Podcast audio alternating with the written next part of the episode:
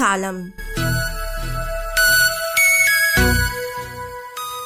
معي أنا سليمة لوبال.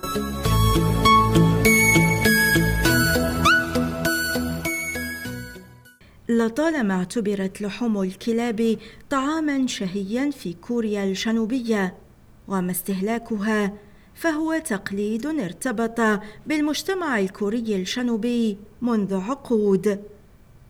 لكن الوضع سيختلف قريبا مع التزام الرئيس مون جاي إن بمنع استهلاك هذه اللحوم رفقا بالكلاب التي تتحول شيئا فشيئا في هذا البلد الآسيوي الصناعي إلى حيوانات أليفة تستحق الحماية. تشهد كوريا الجنوبية سنويا مقتل مليون إلى مليوني كلب ما يوفر للمستهلكين بحسب المعهد الأمريكي لرعاية الحيوانات نحو مئة ألف طن من اللحوم.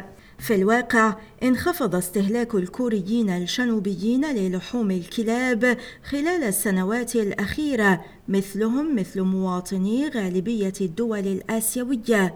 إذ يستهلك اليوم كوري من أصل كل ثلاثة لحوم الكلاب بينما أصبح استهلاكها من قبل الشباب من المحظورات.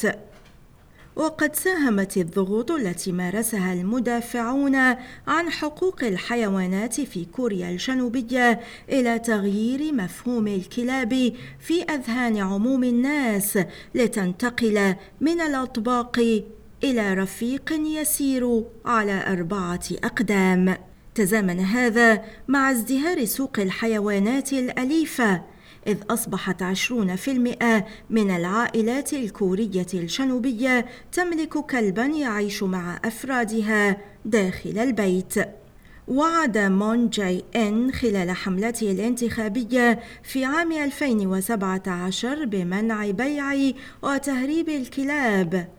وبعد أربعة أعوام التزم بوعد قطعه على نفسه وفاجأ مواطنيه بإدخال أول كلبة تدعى توري للقصر الأزرق مقر الرئاسة في العاصمة سول ما حفز الكوريين الجنوبيين على تبني المزيد من الكلاب.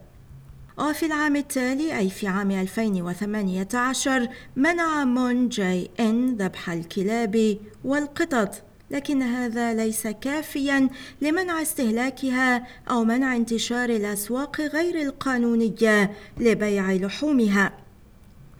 لا يجمع الكوريون الجنوبيون على قرار منع استهلاك لحوم الكلاب إذ يتظاهر المربون بانتظام للدفاع عن مصدر رزقهم. وحجتهم أن الكلاب لا تختلف عن البط أو الخنازير وأن كولاجين الكلاب هو الأفضل للبشره ويسمح بتحمل الحرارة. لكنها حجج لم يعد الكوريون الجنوبيون يؤمنون بها في انتظار صدور قرار رسمي سيثلج بالتأكيد صدور المدافعين عن حقوق الحيوانات في العالم. والآن إلى اللقاء مع حلقة جديدة من بودكاست هل تعلم؟